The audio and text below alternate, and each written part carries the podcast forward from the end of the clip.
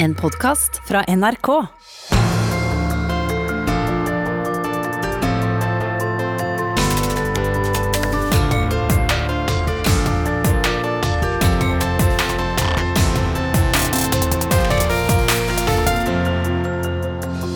I disse dager skjer det igjen. Jøder blir hata, hetsa og drepne 75 år etter at folkemordet på jødene gikk opp for oss. Hvordan skal vårt kollektive minne overleve når tidsvitna dør?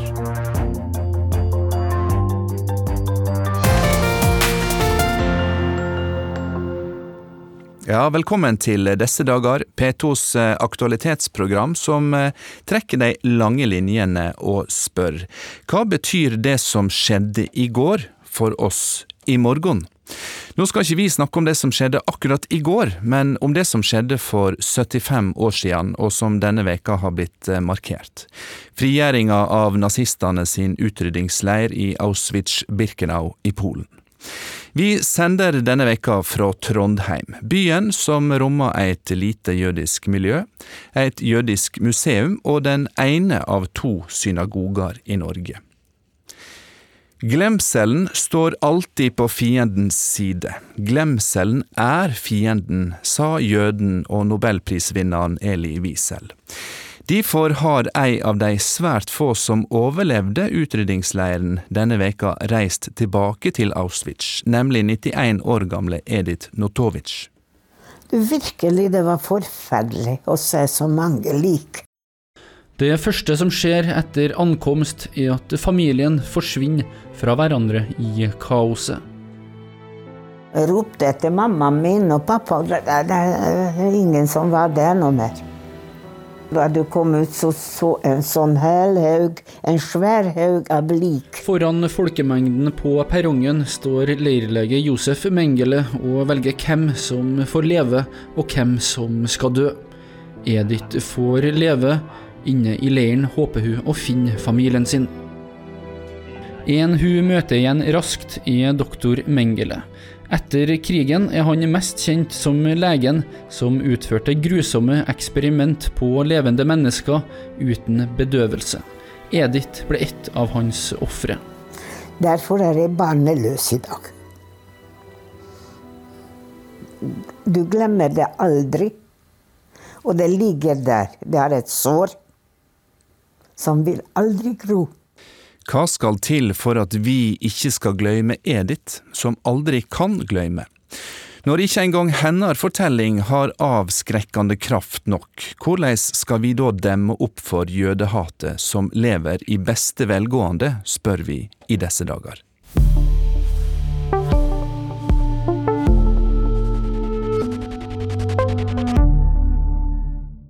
Nå skal vi aller først si velkommen til Andreas Winge. Tusen takk for det. Andreas, du er 18 år gammel og elev på Heimdal videregående skole her i Trondheim. For vel to uker siden så var du på klassetur til Polen. Til eh, leiren der mennesker ble torturert, skutt og gassa i hjel under den andre verdenskrigen. Hva så du der? Eh, fra det første øyeblikket vi satte foten på den dårlige grusveien, eh, så var det nesten som tida sto stille. Eh, vi ble møtt selvfølgelig ved inngangsporten, og overskrifta 'Arbeid gjør frihet'. Og fra før så visste vi jo hva det her betydde, og det her skulle, hvor det her skulle foregå hen, og hva det er vi skulle gjennom, men vi var egentlig ikke klar over hva som ville møte oss på andre sida av den porten. For der ble vi møtt med piggtrådgjerder, et grått, kaldt landskap og gamle brakker med flust av historie. Eh, det var informasjon på alle, alle vegger. Alle, det sto steiner rundt omkring, minnesmarkeringer, forskjellige historier fra familier og, og individer som har opplevd det, mest utroligste. I tillegg så fikk vi se samlinger av alle gjenstandene som ble plyndra, alle gjenstandene som lå etter ekte personer. Ekte personer som hadde vært der og gjort sitt inntrykk, og da ble du bare stående der og kikke på tusenvis av navn tusenvis av navn og liv og historier som, som hadde vært der før oss. Og det var surrealistisk å være norsk ungdom og, og prøve å ta inn over seg absolutt alt som har foregått på det stedet. Men klarer du, Andreas, når du ser haugene med kofferter, mange av de med navnelappen på, det ligger eh, hauger med briller, sko, barnesko, klarer du som 18 år gammel norsk gutt å tenke at alt dette her har en gang vært levd liv? Det var utrolig utfordrende i starten, um, men så begynner du å tenke deg tilbake. Uh, du begynner å sette deg i de skoene som har stått der, begynner å dra klokka litt tilbake i hodet og føle på hvordan det er å være under noen andre, føle på at du kanskje ikke sjøl har kontroll over din egen skjebne, og at noen andre kanskje bestemmer over ditt liv eller død. Og det gikk etter hvert, men det var ekstremt tungt, det var vanskelig å sette seg inn i det. Det var rett og slett følelsesmessig tungt. Du har jo lært om eh, holocaust på skolen. Hva lærdom ga møtet med Auschwitz deg som ikke lærebøkene har gitt deg? På skolen så hører du om det som skjedde, men her fikk du vite detaljerte eh, levemåter de levde på, detaljerte hendelser, handlinger og sanitærforhold, alt mulig, som var mer til detaljnivå, da. Og da var det enda lettere, da var det mye lettere å kunne prøve å se for seg hvordan det var å faktisk være der. Mm. Og i tillegg til møtet med bygningene, det industrielle komplekse, de lange stiene og gatene, haugene med, med kofferter og sko, så ble det også fokusert mye på enkeltskjebner og på navn. Ja, de har jo tatt vare på alle som har vært der, eh, alle som har satt fot der. Og det å da stå og se på alle de haugevisene med sko og kofferter som bare flyter over opp til taket på begge sider av gangen, eh, det viser bare at det er et brutalt tall for, fra en brutal hendelse, og da blir det Det blir overveldende, rett og slett, og det er utrolig å da tenke tilbake på at noe sånt faktisk har skjedd. Tallet på drepte jøder under andre verdenskrig er ufattelige seks millioner, Andreas. Og når vi snakker om holocaust, så er det veldig ofte de døde, det store antallet døde vi, vi snakker om. Hva tenker du om at det faktisk er noen som har vært med på dette enorme folkemordet? Det er helt utrolig. Det virker nesten for meg eh, litt ikke humant, ikke menneskelig. Det var jo et utrydningsforsøk av en, av en folkegruppe, og det kan spesifiseres som en av de verste handlingene mot menneskeheten. Det at en, et menneske faktisk kan være i stand til å og har lyst til å utrydde en annen menneskegruppe, Eh, helt, først helt uforståelig. Vi har jo hørt om hvordan det kan være mulig, og hvordan man kan bli påvirka til det, men det at det i det hele tatt skjer, er, er helt absurd. Nå har du veldig sterke minner fra et nokså nylig møte med Auschwitz. Eh, de som eh, opplevde og overlevde dette menneskeskapte helvete på jord, de er jo snart borte, alle sammen. Tror du at minnesmerka over det de har opplevd, klarer å holde minnet om det levende framover? Jeg håper det. Jeg håper for inderlig at det er mulig. Jeg føler vi skylder det til menneskeheten å huske. Vi skylder det til dem som var der, å hedre dem og minne dem for det de har vært gjennom. Og vi skylder det oss sjøl å vite hva menneskeheten er i stand til slik at vi for all del kan hindre det i en eventuell fremtid, men også det å ta det med oss som en del av historien vår, for det er historien som utgjør en del av det mennesket er, da. Tusen takk skal du ha, Andreas Svinge, 18 år gammel eh, elev ved Heimdal videregående skole, for at du ga oss eh, dette reflekterte reisebrevet fra konsentrasjonsleiren Auschwitz-Birkenau. Du skal få komme tilbake litt seinere i sendinga, Andreas. Før den tid så skal vi ta for oss eh, konspirasjonsteoriene som eh, florerer, og som er med på å bygge fordommer og hat mot jødene, snart 100 år siden forsøket på å utrydde dem starta. Vi skal også møte hun som har forska på hvordan et folkemord kan oppstå, og psykologen som trekker linjene fra konsentrasjonsleirene under krigen til de nye leirene som vokser fram i Europa.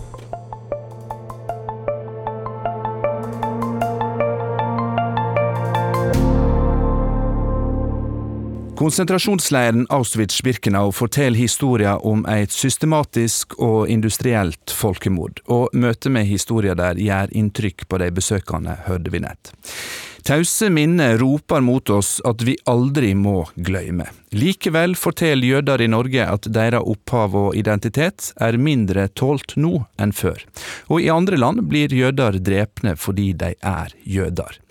Hvorfor er det slik, og hva er det som skaper historiene som trekker fortellingene fra utryddingsleirene i tvil? Jeg vil si velkommen til deg, Rita Abrahamsen. Du er leder for det jødiske samfunnet her i Trondheim, og du forteller at det er annerledes å være jøde i Norge nå enn det var. Hva er det som har endra seg? Ja, det er ikke så lett å si egentlig hva som har endra seg, men eh, jeg kan bare snakke ut fra meg selv. Eh, jeg, når jeg vokste opp, så eh, ble det veldig tonet ned eh, at vi var jødiske. Men hjemme så var vi jo jøder, men vi var godt integrerte, da.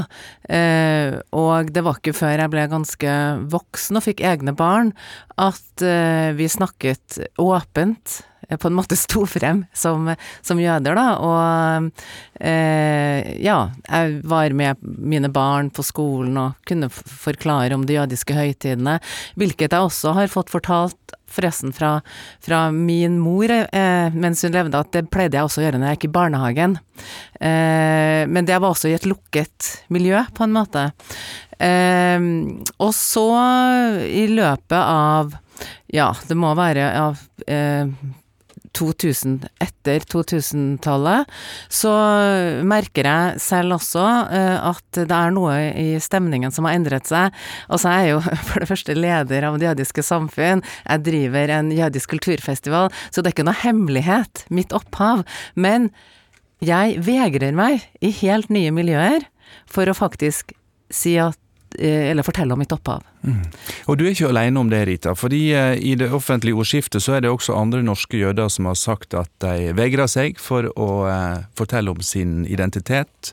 Andre som sier at de aldri lenger bærer synlige symbol på sitt jødiske opphav. Hva er det dere risikerer dersom dere står fram som de dere er?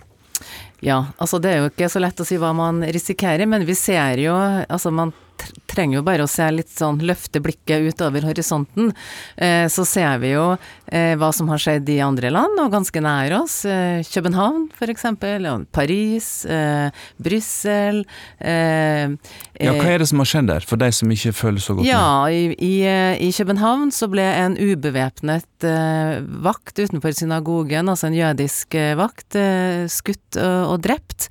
I Brussel var det et attakk mot Eh, inne på et jødisk eh, museum. Eh, I Tyskland nå så får jødiske organisasjoner beskjed om at politiet ikke kan garantere for deres sikkerhet. Skummelt. Så vi vet jo ikke helt hva som, hva som skjer, men at man kan bli trakassert. Eh, man kan eh, eh, bli skadet. Det har skjedd i Oslo også. folk som har båret kippa, som har blitt Altså det, jødiske, det hodeplagget mm. som jødiske menn bruker, som har blitt banka opp, rett og slett, på åpen gate. Tenker du at alt det du nå forteller er et bevis på at antisemittismen er på frammarsj? Eh, altså, jeg vil jo si det sånn, jeg tror antisemittismen aldri har eh, opphørt. Mm. Jeg tror den har eh, vært der hele tiden, og nå kommer den enda mer eh, til, til, syne. Og eh, jeg tror ikke at det er snakk om at Altså, for eksempel der man sier det må ikke skje igjen, men det skjer. Det skjer allerede. Og vi må ikke gå og vi, altså også bagatelliseres det litt. Og vi må ikke gå og vente på at det skal komme noe lignende, for det kommer aldri i samme drakt. Men faktum er at det skjer. Og det blir litt bagatellisert. Nei da, det er ikke så ille her i Norge. Men Og det sies også at antisemittismen eh, er, det har blitt litt mindre i Norge, så man liksom er, På en måte så er det greit, men vi, vi jøder, vi synes ikke det. Vi kjenner på det, og vi mener at den eh, ikke er på vikende front, i hvert fall. Vi skal spørre um, Asbjørn Dyrendal, du er professor i religionsvitenskap ved NTNU i Trondheim. Mm -hmm. og du har også forska på konspirasjonsteorier, som vi skal snakke mer om om litt. Men aller først, uh, hva sier forskninga om graden av antisemittisme i Norge? Ja, det er jo som, som Rita sier, altså Holocaust-senteret kjørte jo to eh, undersøkelser på eh, antisemittisme eh, i Norge. Og hvis du ser på de altså målingene i holdninger eh, over tid, så ser vi da at de faller, eh, antisemittiske holdninger faller i Eh, frekvens fra 2011 til 2017. Men det er jo ikke det samme som å si at antisemittismen, sånn som den kommer til uttrykk i alle eksemplene Rita eh, ga, eh, faller. Fordi da snakker vi om ekstremister og ekstremisters handlinger, og vi snakker også sannsynligvis om den litt sånn hybride, litt vanskelig å få fatt på, nettopp fordi jøder er jo så usynlige i Norge. Ikke sant? Det er den biten. Hva er egentlig å være jøde? Det øyeblikket du har en davidsstjerne, hva er det folk forbinder det med? Av og til Israel. Det er den typen kritikk som kommer opp, og som er, den, den, typen sånn fremmedhet i det, i, i, det nære, i det, nære, som gjør at det kan skape en masse ubehagelige situasjoner ut av ting som da kommer fram i lyset på et eller annet vis, og som kan bære med seg klassisk antisemittiske holdninger som så blir synlige, men som kan være aktualisert politisk sånn raseri på et eller annet vis, eller ubehag eh, i andre sammenhenger. Så det kan være veldig mange forskjellige ting som dukker opp i dette her, og som eh, ja, vi helt sikkert trenger å forske nærmere på, men det kommer da noe om dette her, i hvert fall i, i en bok fra HL-senteret nå mm. ganske snart. Asbjørn, du forsker på eh, konspirasjonsteorier, og mange konspirasjonsteorier er det også som blir eh, knytt til jødene. Hva teorier er det vi snakker om? Ved siste opptelling absolutt alle. Alle konspirasjonsteorier så finnes det noen, fordi folk som hater jøder legger skylda på jødene for alt. Eh, fra Zika-virus til koronavirus til, eh, til jordskjelv til orkaner og andre ting. Eh, men det er jo først og fremst de klassisk antisemittiske konspirasjonsteoriene som ofte dukker opp igjen og igjen. Altså dette her med jødene som styrer media, jødene som styrer finansindustrien, jødene som styrer ikke sant, ulike biter av alt man misliker med det moderne samfunnet. Og så har det moderne samfunnet endra seg, så det er flere forskjellige ting man så kan legge skylda på. Eh, den store jødiske sammensvergelsen, eller bare jødiskhet, eller et eller annet sånt eh, mer generelt på. Eh, og det kommer altså i alle mulige former og farger og fasonger, så man må ikke begå den tabben og tro at dette her er noe som er spesifikt bare for det høyreekstreme. Det fins et utall av forskjellige varianter hvor, eh, hvor, dette dukker opp på ulike måter, som sånn halvkvedete viser og av og til bearbeida konspirasjonsteorier. Mm. Rita, hva merker du eh, som jøde av eh, konspirasjonsteorier mot jødene? Ja, nei, Vi hører jo stadig at vi er eh, styrer media, blant annet, og finansverdenen. Eh, og da, det kan jo bli rettet mot oss her i Norge, og man skulle jo tro at det var millioner av oss i Norge, og vi er ca. 1500.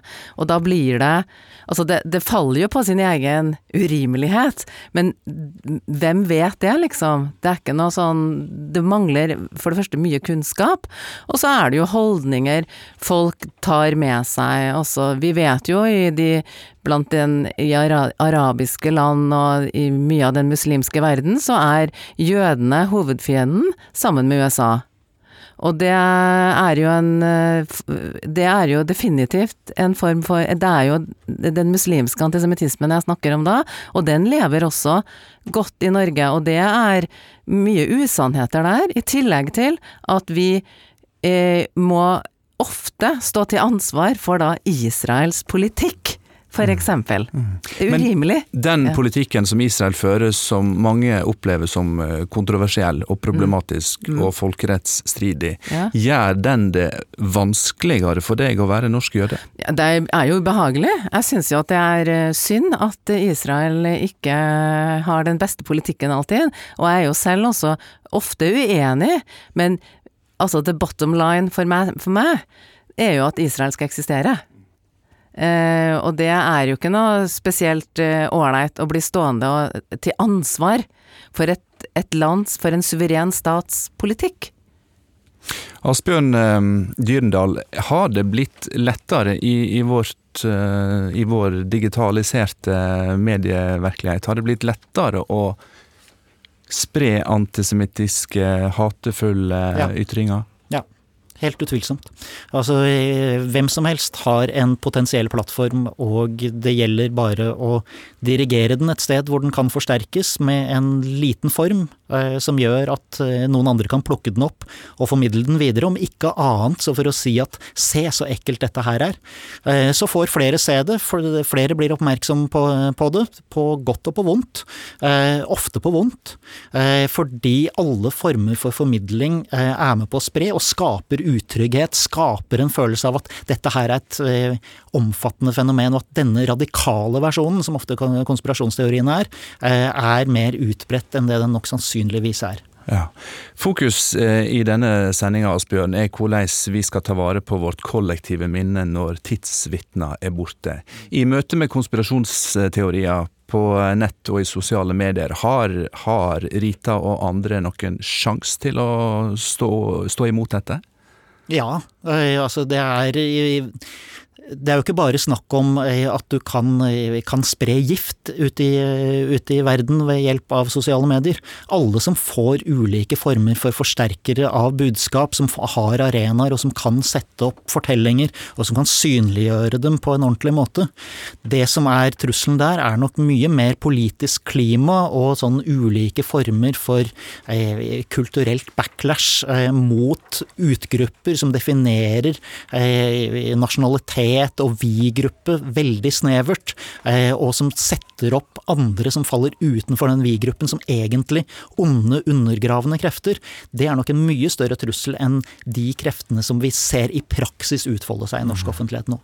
Rita Abrahamsen, altså leder for det jødiske samfunn i Trondheim. Dersom du og andre jøder følte dere friere til å bære jødiske symbol, til å være jøder i offentlighet og snakke om kulturen deres. Ville det kanskje ha hjulpet på på den måten at flere hadde fått kunnskap og forståing om hva det faktisk vil si å være jøde? Absolutt. Det er klart. Altså, vi er jeg leder jo en festival, Jødisk kulturfestival, som nå blir gjennomført for tiende år på rad i, i, i Trondheim. Og vårt Eh, hva skal jeg si, eh, det vi tror på, det er jo nettopp det at vi gir folk en opplevelse. Vi gir dem en kulturell eh, opplevelse, en erfaring sammen, som gir dem på en, et, et rammeverk, en felles referanseramme. Og da presenterer vi den jødiske kulturen. Og du ga oss ei oppleving også her i disse dager. Tusen takk skal du ha, Rita Abrahamsen, leder for det jødiske samfunnet i Trondheim. Takk òg til eh, Asbjørn Dyrendal, som er professor i religionsvitenskap. Du hører på disse dager i NRK P2, og vi skal nå snakke om veien fram til et folkemord. Vi har jo markert nå 75 år siden frigjøringen av Auschwitz denne uka her. Tenker du på hvordan noe sånt kunne skje? Ja, det må jeg si at jeg tenker på det veldig ofte. Det er helt ufattelig at en kulturnasjon som Tyskland kunne stå bak en sånn industriell utryddelse av jødene, slik som det skjedde i Auschwitz og i de andre slaveleirene. Tror du noe sånt kunne skje i dag? Nei, ikke helt uh, på samme måte, men vi har jo uh, sett uh, etnisk rensing både i de stridighetene som var på Balkan for om lag 20 år siden, og også i Rwanda. Det har jo blusset opp litt interesse for det i senere tid. I barndommen har vi aldri hørt om det, nesten. Bare omtale av andre verdenskrig. Men etter hvert, jo da. Jo har jo gjort en del tanker, men altså Det er jo galskap å skyte på folk som aldri har gjort noe galt. Jeg gjør jo det. Og så er jeg veldig glad for at jeg har en sønn som uh, i fjor var med de hvite bussene og fikk lov å reise til, uh, til Auschwitz og, og, få historie. Og forhåpentligvis uh, er med på å huske på og at, sørge for at aldri, aldri skjer igjen. Tenker du noen gang på hvordan noe sånt kunne skje? Ja, det har jeg i hvert fall de siste dagene når, har, når det har vært tema. Så har jeg tenkt mye på det. Jeg tenker på Det var jo ikke bare én mann som sto bak det. Det var, det var jo så mange. Så det er rart at alle var med på det. Det syns jeg er spesielt. Men det er vel sånn vi menneskene kanskje blir, da. Avstumpa. Redd for vårt eget liv, kanskje. Feig. Ja, jeg tenker faktisk ofte på det. Jeg skjønner ikke at det kunne skje. Jeg skjønner ikke at menneskene kunne være sånn eh, imot eh, oss sjøl. Faktisk vært i Auschwitz en gang. og ja, Det er en av de sterkeste opplevelsene jeg har hatt i hele livet, faktisk. Ble bare stående helt apatisk. Det er vanskelig å beskrive det. Jeg skjønner ikke at det går an, eller gikk an. Jeg håper at det ikke er mulig å gjenta den historien, altså. Det håper jeg for Guds skyld.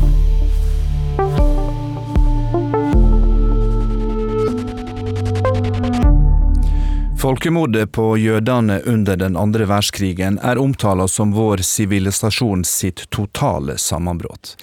Men vi har sett eh, folkemord skje også seinere, og veien fram dit er lang og starter i det små. Før jeg reiste til Trondheim, oppsøkte jeg forsker Ingjerd Weiden Brakstad ved Holocaust-senteret i Oslo. Nå er vi inne i HL-senteret sin permanente utstilling, og vi er i det første rommet besøkende kommer til. Eh, og det rommet her skal gi eh, oss lengre bakgrunn for det som senere ble folkemordet på de europeiske jødene, holocaust. Hvis vi går til eh, opprinnelsen, fordi vi i dag snakker om folkemord med utgangspunkt i holocaust, hva kan du si om opptakten til eh, et folkemord? Hvordan begynner det? Det er veldig vanlig å begynne å, å se på ok, når oppstår de her oss og de. Eh, skillet mellom vi som er på innsida og de andre som er på utsida. Det er en ingrediens som, eh, som er til stede i alle folkemord. Men eh, denne tankegangen om oss og dem, den er veldig utbredt. Og vi har jo heldigvis ikke hatt så mange folkemord eh, i historien, selv om vi har hatt mange. Eh, fordi det som er på en måte den fatale omdreininga, eh, kan vi kalle det, er når de her eh, de påståtte forskjellene mellom vi som er innafor og de som skal være utafor, når det politiseres. Når det gjøres til et politisk problem, og hvor det da presenteres også politiske løsninger. ikke sant? Fjern den og den gruppa. Da har vi kommet et hakk eller ti nærmere potensielt folkemord. Men har vi eksempler også etter holocaust på at politiske løsninger har blitt laga for å f.eks. fjerne folkegrupper? Ja, vi har jo to berømte tilfeller på midten av 90-tallet, eh, hvor det parallelt med krigføringa i det som var Jugoslavia, også foregikk etnisk rensing og folkemord på bosniske muslimer. Eh, og like før, i det lille afrikanske landet Rwanda, så foregikk det også et, eh, et folkemord. Og I Rwanda i 1994 så ble nær 800 000 mennesker drepne i løpet av bare 100 dager i konflikten mellom Hutu og Tutsia. 22.07. året etter, i 1995, så ble nær 8000 bosniske muslimer drepne i en massakre i Srebrenica, som blir regna som den største massakren i etterkrigstida. Og Da lurer jeg på, fordi det kan synes som at dette oppsto brått, eh, i alle fall i Rwanda, eh, var det en lang vei dit, til, til denne massakren? Ja. Uh, I Rwanda så altså Der også er det jo igjen hvor man setter på en måte startpunktet. da. Uh, og det er jo mange som går på en måte helt tilbake til kolonitida og ser på uh, raseinndelinga i Rwanda. Altså den tanken om at hutu og tutsi er to ulike raser. Det er et produkt av europeisk kolonialisme. Så skjer det en revolusjon, en politisk revolusjon i Rwanda mellom 1959 og 62, hvor hutu-majoriteten tar makta. Eh, Dvs. Si at belgiske kolonimyndigheter forlater landet. Eh, og med det så mister jo også da tutsi-minoriteten den eh, beskytta stillinga de hadde hatt. Hutu-majoriteten tar makta, og i stedet for da å forlate den europeiske rasetanken, så beholder de denne i landet, men de snur den på hodet. Det som skjer, er at det nye regimet det bygger på en måte videre på europeiske rasetanker, eh, og velger da å ikke forlate den her, eh, i bunn og grunn rasistiske tankemåten. Så til dømme fra Bosnia, som var en del av det tidligere Jugoslavia. Der levde jo mennesker fra ulike folkegrupper og ulike etniske grupper side om side i et relativt velfungerende miljø. og så brått så vender de seg mot hverandre. Hvordan er det råd å få et sånt skifte i et samfunn som før har fungert relativt normalt? Eh, for det første, ikke så brått, egentlig. For de, det vi ser når vi ser nyhetssendinger, og det vi så da vi så nyhetssendinger på 90-tallet fra Bosnia, det er på en måte det siste leddet eh, i en lengre kampanje eh, hvor man har jobba visse nasjonalistiske politikere har jobba ganske hardt for å minne i det tilfellet her, da, den serbiske befolkninga om at dere er omringa av fiender. Eh, bosniske muslimer er slettes ikke landsmenn. Eh, de er slettes ikke gode naboer. De er ikke bare annerledes, men de er potensielt livsfarlige. Eh, fordi det er jo også noe vi ser i alle sånne regimer som begår folkemord, at man framstiller offergrupper som faktisk livsfarlig. Eh, sånn at den volden som ofte begås da mot sivile i folkemordsituasjoner, den framstilles som selvforsvar. Hva kjennetegner et samfunn som klarer å unngå at hat blir til drap og blir til folkemord?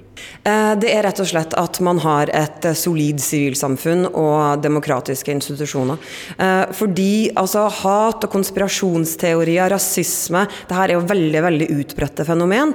Men man har institusjoner som beskytter mangfold og minoriteter. og når det er først når de her institusjonene spiller fallitt, når de blir satt ut av spill eller de oppløses, da kan det være fare på ferde. Da kan det settes makt bak eh, hatpolitikk, ikke sant.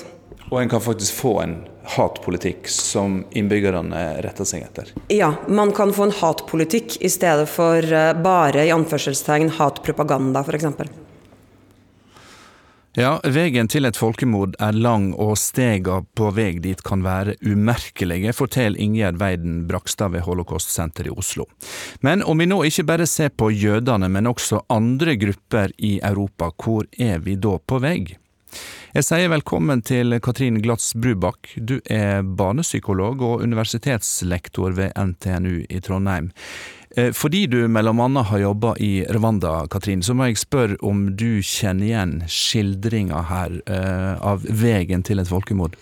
Ja, det er det å gå på um, Memorial Site i, i Rwanda og se oppløpet, er jo en blåkopi av det som var oppløpet eh, også til holocaust. Sånn at når Andreas tidligere her beskriver hvordan det er å, å se liksom hauger med levninger til folk, så jeg har også dette senteret eh, stabel på stabel med hodeskaller, med folk hvor du ser at de er slått inn eh, med machetter og, og, klubber. Så det, det er helt eh, forferdelig, og det er skremmende mange likhetstrekk. Mm. Like fullt så kan det være lett, Katrine, å avfeie paralleller som blir trukket til det som skjedde under Nazi-Tysklands eh, regime, fordi det var så ubegripelig eh, voldsomt og omfattende. Men du mener likevel at vi skal se etter de parallellene og peke på dem? Mm. Fordi det starter ikke med holocaust, og det starter ikke med folkemord, som flere jo har påpekt. Det starter med de små skrittene. Det starter med at man definerer Um, også dem. Um, som vi akkurat hørt, det starter med at man definerer at de er et problem, det vil true oss. Og veldig mye av den retorikken ser vi rundt dagens flyktninger. Um, vi, de blir beskrevet som potensielt farlige, at de skal overta samfunnet vårt, at skal, våre verdier skal ødelegges, og at det er nesten livreddende for oss sjøl at de stenges ute. Og det, så snart man starter med den retorikken, så begynner man også å tåle den andres lidelse. Man begynner å tenke at det er nesten greit. Ikke bevisst, eh, men det er likevel det som skjer. Så det vi gjør i Europa i dag, eh, er jo at vi lager flyktningleirer ikke for å gi folk en trygg havn fra det de flykter fra, men for å stenge dem ute, sånn at de ikke kommer til oss. Eh, og så tåler vi det, til tross for at vi vet at folk dør, at lidelsene er store, og at barn får hele sin barndom ødelagt. Så det er jo ikke samme industrialiseringa det samme systematiske som i holocaust, men likevel så er man på vei Um, potensielt, da, hvis ikke vi, vi, stopper opp og sier at det her kan vi ikke akseptere, så kan vi potensielt være på vei mot å akseptere lidelse. Men vi er jo oss sjøl nærest, alle sammen. Og eh, som psykolog, tenker ikke du òg at det er både viktig og legitimt å sette ord på eh, eventuell frykt, angst for at eh, livet ikke skal bli som det var, fordi det kommer andre mennesker til landet, f.eks.? Mm. det sies noen ganger at du skal ikke alltid eh, tro på det du tenker. Eh, og det er noe der at eh, den retorikken legger til grunn mer angst enn det det er grunnlag for. Og når den politiske løsninga blir at de må tåle lidelse og død fordi at vi skal berge oss, det er da vi har kryssa en grense. Um, sånn at vi skal ha debatten om hva slags verdier vi skal ha i Norge, vi skal ha debatten om hva slags samfunn vi ønsker oss, uh, vi skal ha debatten om hvordan vi skal få til integrering, men vi skal ikke tåle, som Øverland sier, så inderlig vel den urett som ikke rammer oss sjøl. Utgangspunktet for denne samtalen og denne sendinga er jo at det denne veka er 75 år siden sovjetiske styrker frigjorde verdens største konsentrasjonsleir, eh, nemlig Auschwitz-Birkenau. Eh, en leir som de færreste kom levende ifra. Eh, Auschwitz ligger i Polen, og derfor sier jeg òg velkommen til Igor Devold. Du er både filmskaper og universitetslektor her i Trondheim. I tillegg så er du halvt polsk og kjenner veldig godt til polsk eh, politikk og samfunnsliv. Eh, I går, da Adolf Hitler kom til makta, så var det om lag tre millioner jøder i Polen. I dag er det noen få tusen igjen. Hvordan forholder Polen seg til si historie og medvirknaden eh, til folkemordet? Det er en veldig vanskelig, vanskelig tematikk i Polen, og spesielt i dag med det politiske klimaet som er i dag.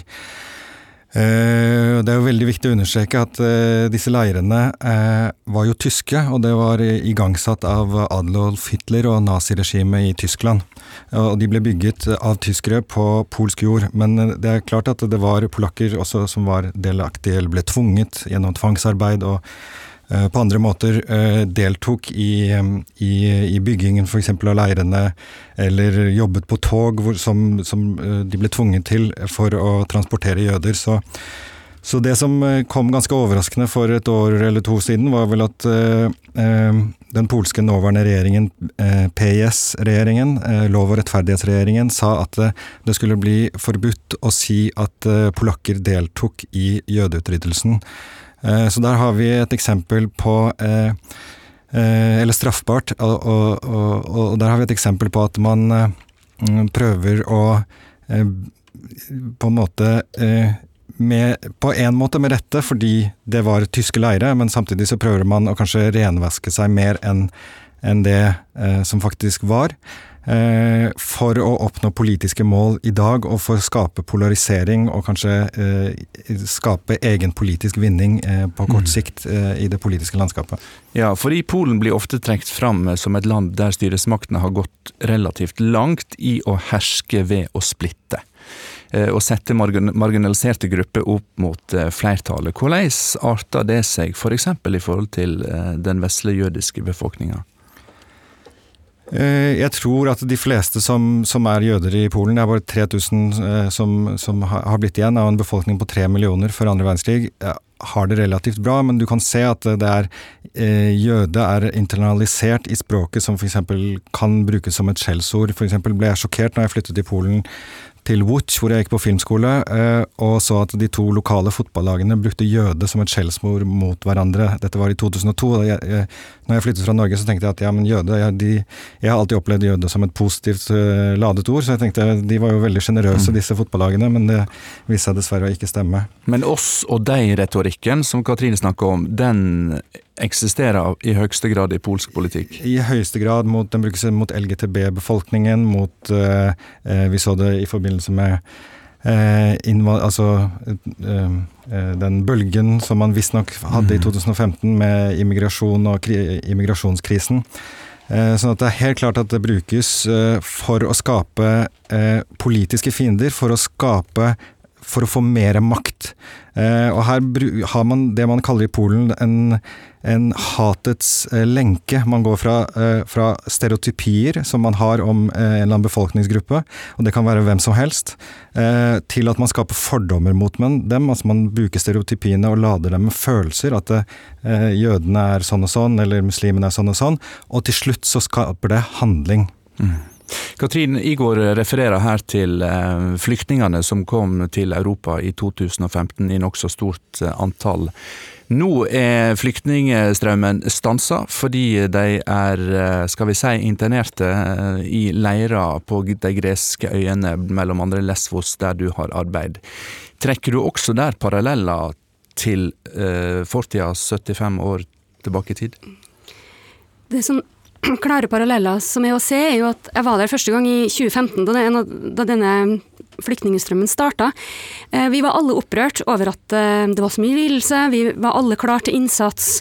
Eh, Tyskland åpna sine armer og sa alle kan komme. Det var en sånn dugnadsinnsats hvor man tenkte at fordi det er så mye lidelse, så må vi gjøre vårt. Og så har det gått tid, og så har retorikken endra seg.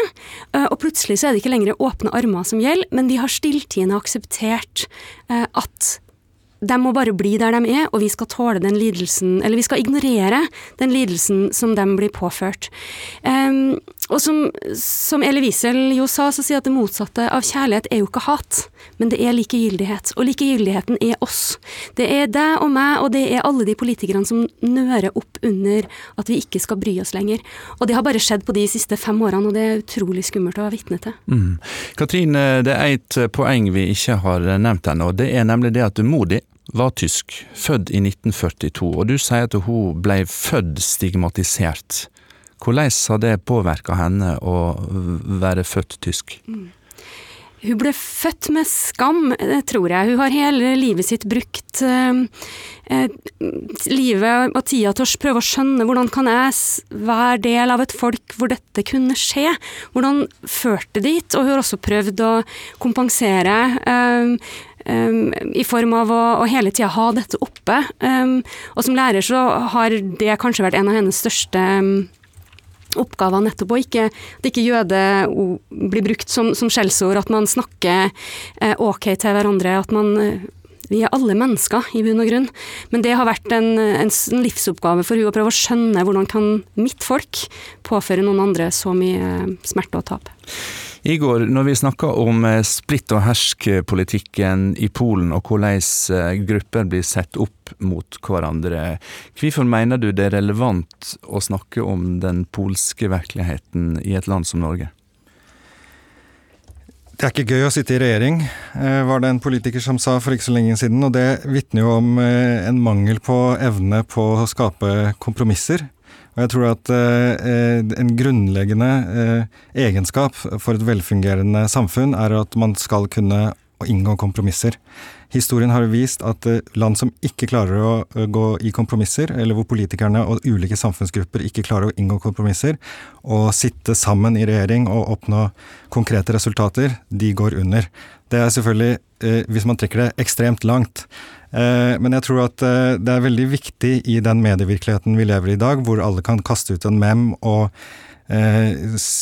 bruke sine stereotypier som fort kan deles, at vi har noen som tør å ta ansvar og eh, si disse stereotypiene eller fordommene imot. Og da krever vi et godt og tydelig lederskap som klarer å gjøre kompromisser. Det er det vi ser mangel på i Polen. Og så eh, trenger vi sterke institusjoner. Eh, det er det som nå brytes ned i, eh, i Polen, med tredelingen av makten og eh, undergraving av domstolene. Og i tillegg vil jeg også nevne en ting som vi begynte med her i dag, det er utdannelse. For jeg tror at eh, uten en god utdannelse og opplæring av de nye generasjonene som ikke har vært tidsvitner, så vil de gå i den samme stereotypi, fordom, handlingfella som generasjoner før oss har vist at vi mennesker er fullt i stand til å gjøre. Mm. Tusen takk skal du ha, Igor Devold, eh, filmskaper og eh, lektor, universitetslektor eh, i Trondheim. Katrin Glatz Brubakk, du skal straks tilbake til Lesvos for å arbeide blant flyktningene der. Hvor mange ganger har du vært der før? Dette blir min åttende tur. For meg handler det om å ikke snu ryggen til, men å være en av disse motkreftene som kan si noen ting om at dette kan vi ikke glemme, dette kan vi ikke ignorere, og vi må tenke at dette er medmennesker og ikke utgruppe. Tusen takk skal du ha, Katrin Glatz eh, Brubakk, eh, psykolog, på vei til Lesvos. I disse dager på NRK P2 spør vi hva ansvar vi har og tar for å holde det kollektive minnet levende når tidsvitner dør, og hva skal til for at vi ikke skal glemme vår historie.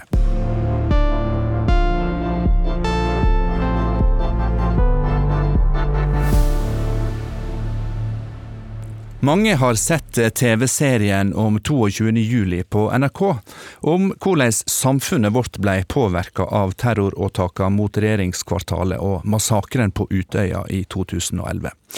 Og kanskje har flere tenkt som jeg, nemlig så fort vi glemte.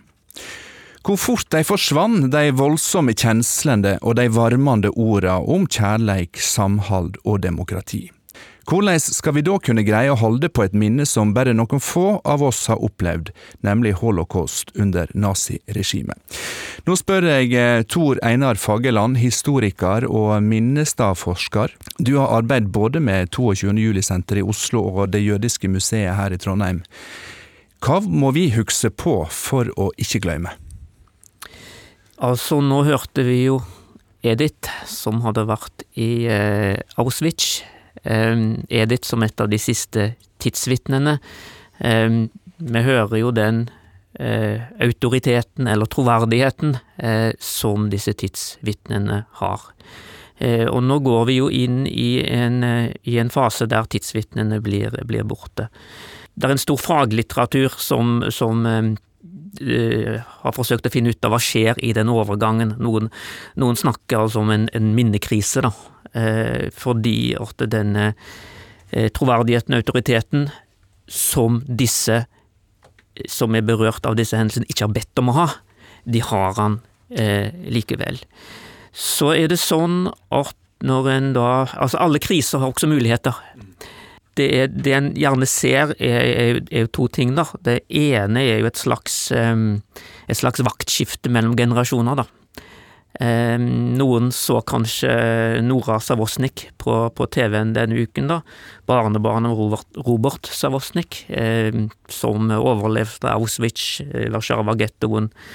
Eh, Dachau eh, kom tilbake til Trondheim og, og var barnelege i, i, mange, mange år. Nora eh, sier da at nå, nå, er det hennes tur. Eh, hun, hun, må på jobb, hun, det er hun som må bære bagasjen. samtidig så blir det jo veldig klart at det kan jo ikke bare være opp til de berørte, det kan ikke bare være opp til Nora. Eh, der faller jo et ansvar på oss her, mm. både som enkeltindivid og samfunn. Og det faller et ansvar på deg, som ofte får jobben med å lage disse minnesmerkene. Og jeg tenker, Tor Einar Fageland, at du står jo i skjæringspunktet mellom fortid, nåtid og framtid, og skal formidle ei historie. Hva er utfordringene du møter på da? Utgangspunktet er jo at, er, at historien er jo på en måte borte. 22. juli kommer ikke tilbake, oktober 1942 kommer ikke tilbake, men stedene, altså disse husene, disse butikkene der jødene ble henta, de, de, er der. Utøya er der. Eh, høyblokker som har spor etter hva en 900 kilos bombe gjør med en bygning, de er der. Sånn at et utgangspunkt tenker jeg i hvert fall, er, er, er å, å, bruke disse stedene, da. Eh, altså, det å håndtere de og bruke de riktig, så kan faktisk de ha litt av den samme eh, troverdigheten og autoriteten som disse tidsvitnene eh, mm. har. Så, så, jobben er egentlig eh, å få fram Eh, det som har skjedd på en ordentlig måte, for å si det litt enkelt. Og, og, en sånn stad som eh, du snakker om, som kan være et minnesmerke, det er jo Falstadsenteret i eh, Levanger nord for Trondheim. Og der jobber du, Sebastian Klein, som historiker og pedagogisk leder. Hvordan jobber det for å hindre det som Eli Wiesel ble sitert på i stad, nemlig at glemselen skal stå på fiendens side? Hvordan gjør dere historien relevant for nåtida? Eh, det er jo et veldig godt eh, poeng som eh, Tor Einar tar opp her, med å se på minnestedet.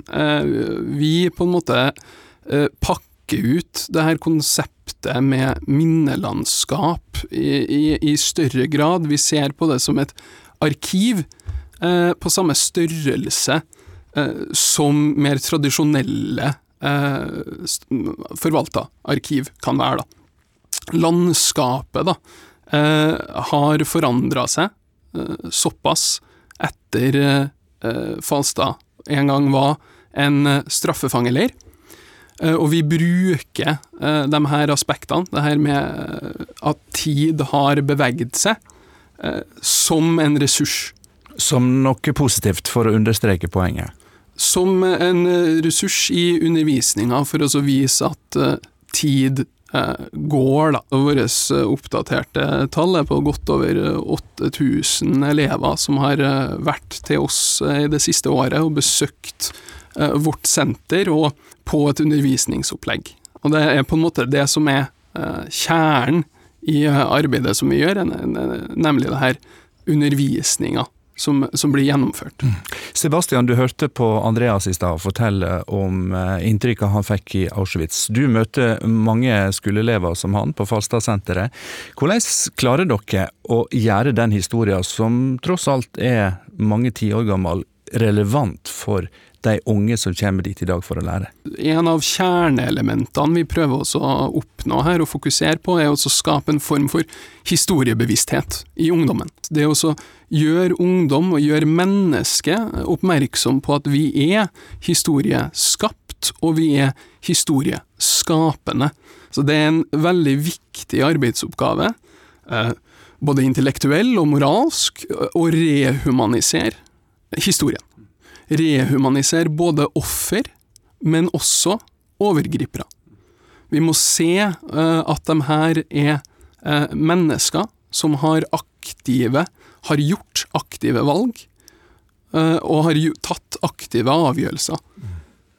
Tor Einar Fagerland, du snakker om at du er med på en minnedugnad når du bygger minnesmerket, og at dette skal bygge en samfunnsberedskap sjelden vi bruker beredskapsuttrykk i denne sammenheng. Jeg tenker jo at eh, beredskap handler om mer enn helikopter, overvåkning og, og, betong. Holocaust, det skjedde ikke bare andre steder, det skjedde også her.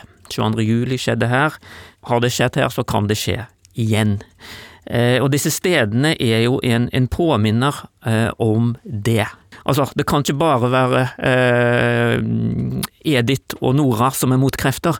Altså, vår håndtering og vår bruk av de stedene kan også være en sånn, eh, en sånn motkraft, for det, det, viser da, når elevene kommer dit, eller andre besøkende, at dette har skjedd med virkelige mennesker på virkelige steder. Jeg vil spørre dere begge to, fordi vi i dag har snakka om konspirasjonsteorier og hvor, hvor de når og hvor mange de treffer. Når dere nå bygger minnesmerker eller formidler krigshistorie, klarer dere å demme opp for den motkrafta som ligger i konspirasjonsteorier, som ligger i hatefull retorikk, som ligger i antisemittismen, f.eks., eller muslimhat? Sebastian? Det vi håper, er jo at denne eh, arbeidet med eh, refleksjon og refleksivitet eh, hos elever. Det å bidra inn i samtaler, det å stille dem til ansvar for hva de sier, og det å myndiggjøre da, gjennom en uh, undervisningsdag, gjennom en uh, prosess og metoder, er med på å stille spørsmål til det de leser på sosiale medier, til det de hører i potensielle ekkokammer. Eh, til det de får med seg eh, i forbifarten, sagt på en buss eller i gangen eller hjemme og over middagsbordet. Tor Einar Fagerland, er det kraft nok i minnesmerka til å demme opp for eh, hat og frykt? Ikke alene, men eh, altså det som Sebastian beskriver her, er jo egentlig et slags eh, triangelmøte mellom et sted, noen som kommer, og noen som er der, som, som Sebastian. Som da, altså til sammen så, så, har du altså et felles rom, eh, kall det et utvida klasserom, da, og, og gitt at en bruker det på en måte til ikke bare komme med eh, ferdige svar, men åpne opp noen rom for refleksjon, debatt, sånn at alle som er der, får bryne seg litt på hverandre. Det tenker jeg er en, en motkraft. Tusen takk skal dere ha begge to, Tor Einar Fageland, som er historiker og minnestadforsker, og Sebastian Klein fra Falstadsenteret. En som altså lot seg påvirke av minnesmerket Auschwitz-Birkenau 75 år etter at de siste fangene slapp fri, det er 18 år gammel eh, Andreas Winge. Inntrykkene du fortalte om i stad var helt åpenbart sterke fra din klassetur til Polen, men er de sterke nok, tror du, til å vaksinere deg mot fremmedfrykt, mot hat og mot konspirasjoner? Absolutt. Eh, det er virkelig en oppvekker. Eh, det får deg til å se rundt deg og dra paralleller til i dag. Prøve å virkelig se om, det, om det virkelig er mulig i, det, i dagens samfunn. Vi lærer oss at her har, vi, her har menneskeheten vært, og det her kan vi garantert lære av, og absolutt uh, forhindre igjen. Vi starta denne sendinga med et lydklipp fra um, Edith Notovic, en av de få overlevende etter um, Auschwitz. Når Edith ikke er blant oss lenger, kjenner du, Andreas, etter ditt møte med historia i Auschwitz, på et ansvar i en alder av 18 år for å bringe henne og andres historie videre? Absolutt. Eh, jeg og alle andre unge på min alder er jo født i den samme verden, vi òg. Vi har bare kommet hit litt senere enn alle andre, og da er det bare mer for oss å utforske og vite hvor vi har vært hen. Selvfølgelig er framtida veldig uklar, og det er ekstremt stor forvandling ekstremt stor fart. Men selv om vi ikke alltid vet hvor vi skal hen, så kan vi vite hvor vi har vært hen, og da er det selvfølgelig vårt ansvar å vite hva som har skjedd før vår tid, da. Jeg lar de siste kloke orda bli de siste, Andreas Winge. Tusen takk for at du kom til disse dager. Denne utgåva er ved vegs ende. Lars-Erik Ertsgaard Ringen og Fredrik Nordin hadde det tekniske ansvaret. Reporter var Linn Helene Løkken, produsent Marte Rommetveit. Send oss gjerne en e-post med tilbakemeldinger, innspill og tips på disse dager krøllalfa nrk.no. Jeg heter Håkon Haugsbø og takker for følget fra Trondheim.